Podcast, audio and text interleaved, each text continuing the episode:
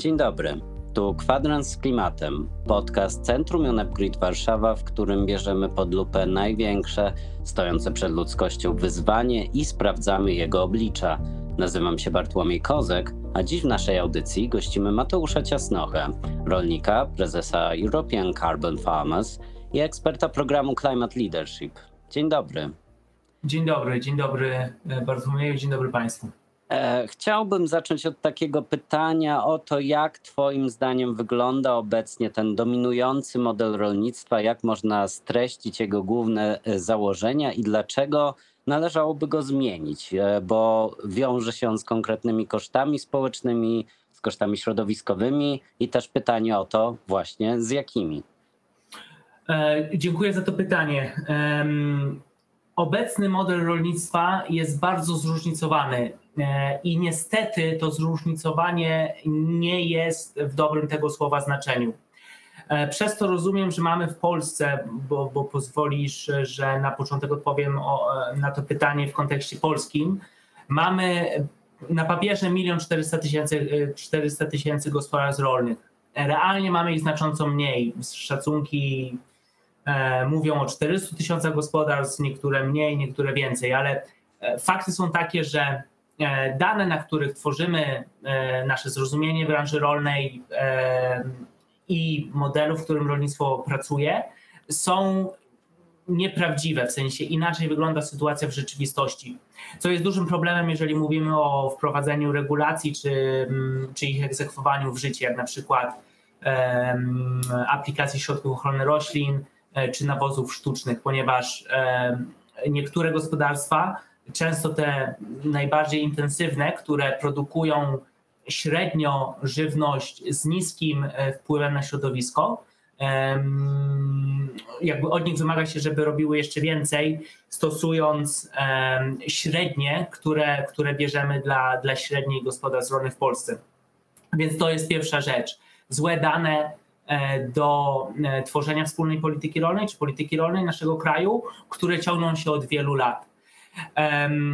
Drugą charakterystyką, tą negatywną, czy jakąś, e, jakimś wyzwaniem, o którym, o, o którym polska branża rolna, którego polska branża rolna jest świadoma, jest to, że różne grupy rolników są stawiane przeciwko sobie. Ten mały jest stawiany przeciwko temu dużemu, w cudzysłowie cokolwiek to znaczy, E, ten przemysłowy z takim pejoratywnym e, zabarwieniem tego słowa przemysłowy w narracji publicznej stawiany jest temu e, nieprzemysłowemu, cokolwiek znowu to znaczy. I, no i po prostu mamy mm, taki konflikt narracji.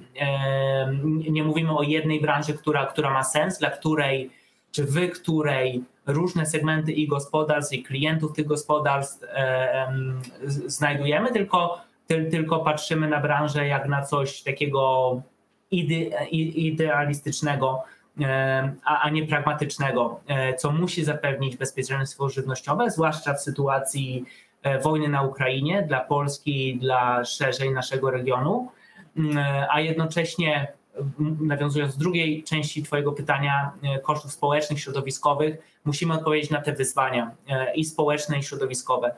E, moje patrzenie na sytuację jest takie, że kryzys klimatyczny i koszty środowiskowe, o których możemy powiedzieć więcej, e, są konsekwencją kryzysu społecznego, którego, który dostrzegamy w Polsce i w jakimkolwiek innej części świata. Więc jeżeli chcemy zająć się kryzysem środowiskowym, e, którego manifestacją jest to, że Polska pustynieje poprzez złe praktyki rolnicze, które, które stosujemy, głównie orkę, Poziom bioróżnorodności według Dasgupta Review opublikowanego na początku zeszłego roku drastycznie spada przy tym, jak nasze PKB rośnie.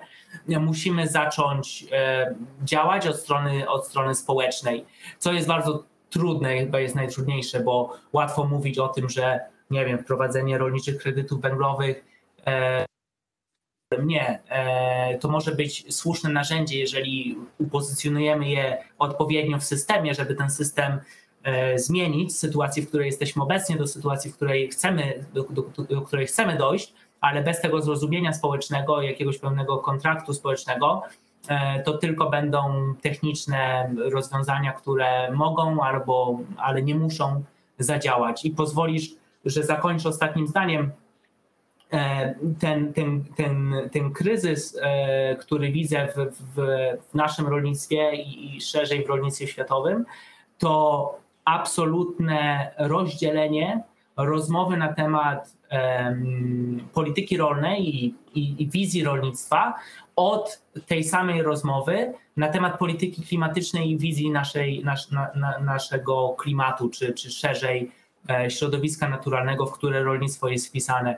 Te dwie rozmowy na poziomie Polski, e, bardzo mocno na poziomie Unii Europejskiej, trochę mniej, ale też nie odbywają się w sposób e, równoległy i połączony. E, to są dwie różne grupy ludzi, którzy ze sobą rozmawiają. I w związku z tym, że nie mamy holistycznego podejścia do myślenia o naszym środowisku, ekonomii, społeczeństwie i przez to rolnictwie, mamy z mojej perspektywy znaczącą większość, jeżeli nie wszystkie z tych problemów, o których możemy mówić godzinami na poziomie technicznym.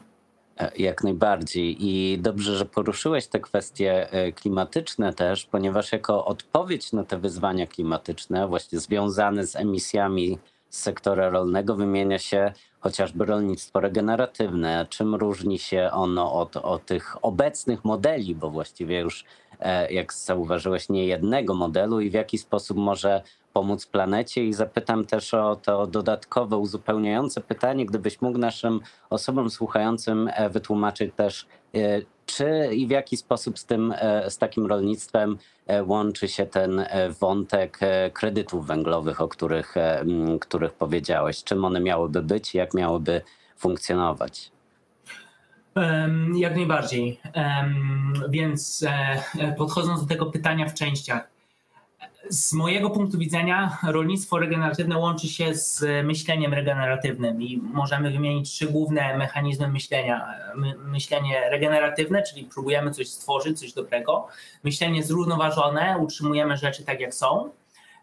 Albo myślenie degeneratywne, czyli ktoś traci, e, być może ja, być może ty, być może e, i my, albo nasze dzieci, mówiąc szerzej o, o tej debacie klimatycznej przechodząc z tej jakby takiej filozoficznej definicji czy podejścia do, do myślenia regeneratywnego na, na temat rolnictwa regeneratywnego, rolnictwo regeneratywne to takie rolnictwo, w którym rolnik wie, że jest opiekunem ekosystemu, w który, w który wpisane jest jego gospodarstwo rolne i tym ekosystemem się opiekuje, on nim nie zarządza, on nie jest jego menadżerem, nie jest jego szefem, e, tylko jest jego obserwatorem i przede wszystkim nie przeszkadza temu ekosystemowi, a e, po drugie, e, na tyle, na ile potrafi, na tyle, na ile ma to sens ekonomiczny, ten aspekt zyskowności czy e, tak, utrzymania zyskowności jest, jest kluczowy w rolnictwie, bo, bo rolnicy są przedsiębiorcami, mają zarabiać pieniądze. Na ile on może ten ekosystem albo regenerować, albo, albo wzmacniać usługi ekosystemowe, i cykle natury, które są obecne w tym ekosystemie, w który wpisane jest jego gospodarstwo. I tutaj przechodzimy do ostatniej części e, pytania, które mi zadałeś, czyli rolnictwa węglowego.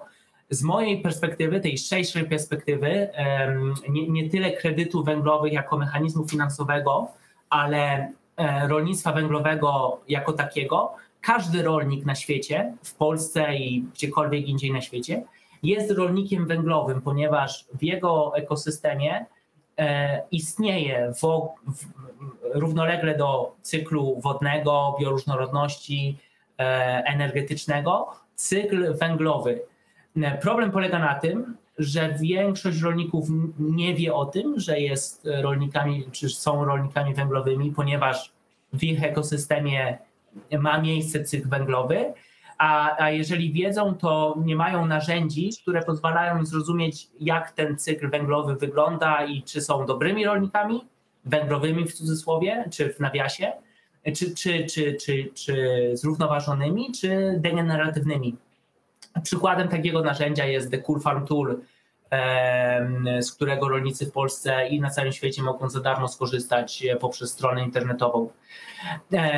Rolniczy kredyt węglowy to jest bardzo mały wycinek tego, o czym powiedziałem wcześniej, czyli, czyli rolnictwa węglowego, w którym rolnik dostaje pieniądze za podejmowanie dodatkowych działań, które w sposób stały albo redukują e, emisję gazów cieplarnianych do atmosfery, albo doprowadzają do stałej sekwestracji dwutlenku węgla w zbiornikach węgla szeroko rozumianych, czyli na przykład rolniczej glebie przede wszystkim, albo mokradłach, albo biomasie, e, która rośnie nad glebą, jak na przykład drzewa albo, albo krzewy.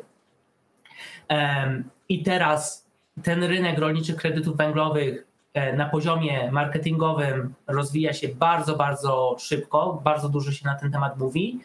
E, jest jeszcze bardzo długa droga do, do przejścia, jeżeli chodzi o integrację tych prywatnych programów generacji czy tworzenia e, rolniczych kredytów węglowych z e, innymi strukturami, jak na przykład raportowanie do e, konwencji klimatycznej Organizacji Narodów Zjednoczonych, czy własność tego dwutlenku węgla na poziomie praw do minerałów na gruntach, na gruntach Rzeczypospolitej Polskiej, które trzeba połączyć, aby ten system, aby ten, ten E, produkt finansowy, którym jest rolniczy kredyt węglowy, mógł pozwolić rolnictwu przestawić się na, na osiągnięcie tego potencjału, który, który może osiągnąć, jeżeli chodzi o produkcję zdrowej, bezpiecznej żywności, w sposób, który nie pomniejsza kapitału naturalnego, na którym rolnik bazuje, ale w sposób, który go co najmniej utrzymuje, a idealnie e, zwiększa. Stąd nazwa rolnictwo regeneratywne.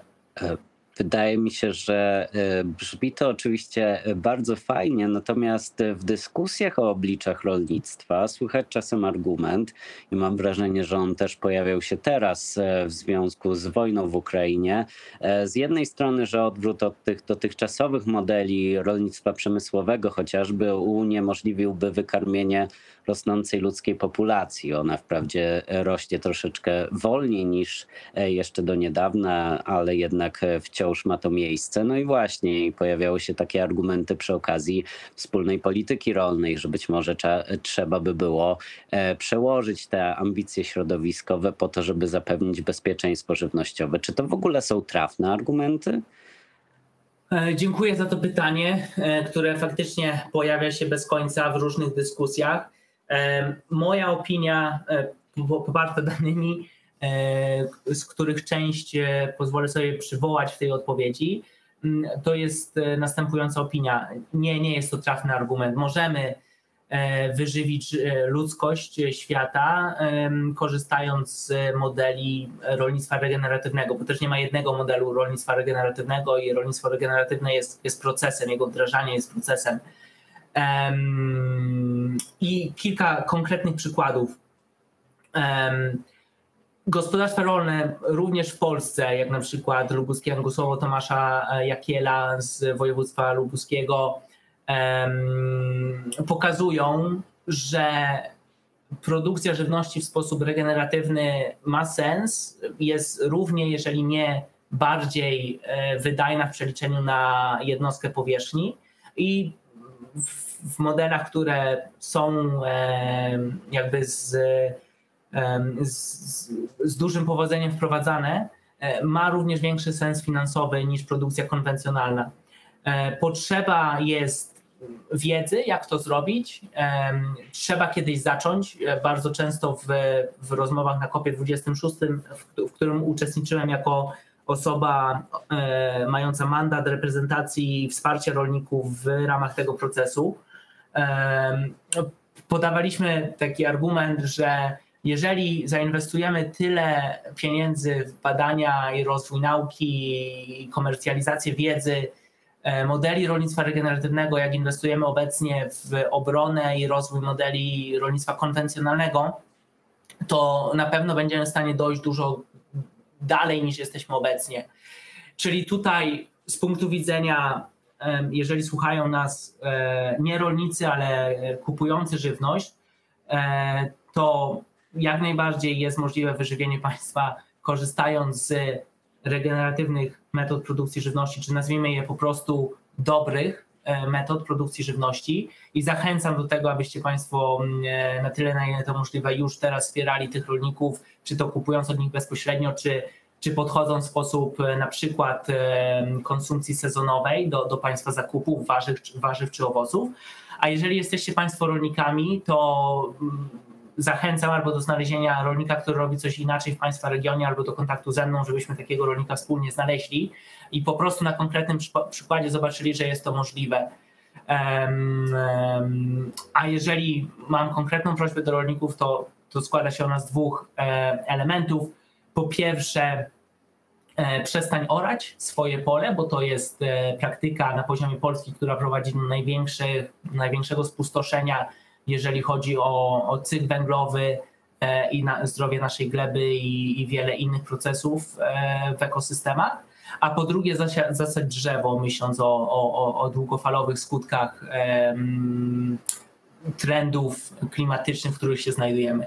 A em, konkretna propozycja, zaproszenie do, e, do konsumenta żywności to odwiedź rolnika, który jest najbliżej ciebie i po prostu zacznij z nim rozmowę, posłuchaj jego historii.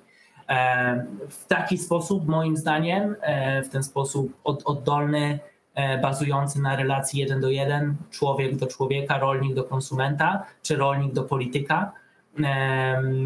Jesteśmy w stanie zmienić system i bardzo tej zmiany potrzebujemy. Ja nad tym pracuję od, od wielu lat. Cieszę się, że nie jestem sam i na poziomie Polski, na poziomie e, e, Unii Europejskiej, świata, ale, ale potrzeba nas dużo więcej i potrzeba dużo więcej konsumentów żywności rozmawiających z rolnikami i rolników rozmawiających z konsumentami ich żywności trzymam kciuki za e, powodzenie dalszych tego typu działań i myślę, że e, wakacje, mam nadzieję, będą sprzyjać nawiązywaniu tego typu kontaktów. E, w kwadransie z klimatem, w podcaście Centrum UNEP Warszawa gościł Mateusz Ciasnocha, rolnik, prezes European Carbon Farmers i ekspert programu Climate Leadership. Jeśli chcecie słuchać więcej podobnych rozmów, zapraszamy do śledzenia naszej audycji w najpopularniejszych serwisach podcastowych. Przy mikrofonie Bartłomiej Kozek. Do usłyszenia w kolejnym odcinku.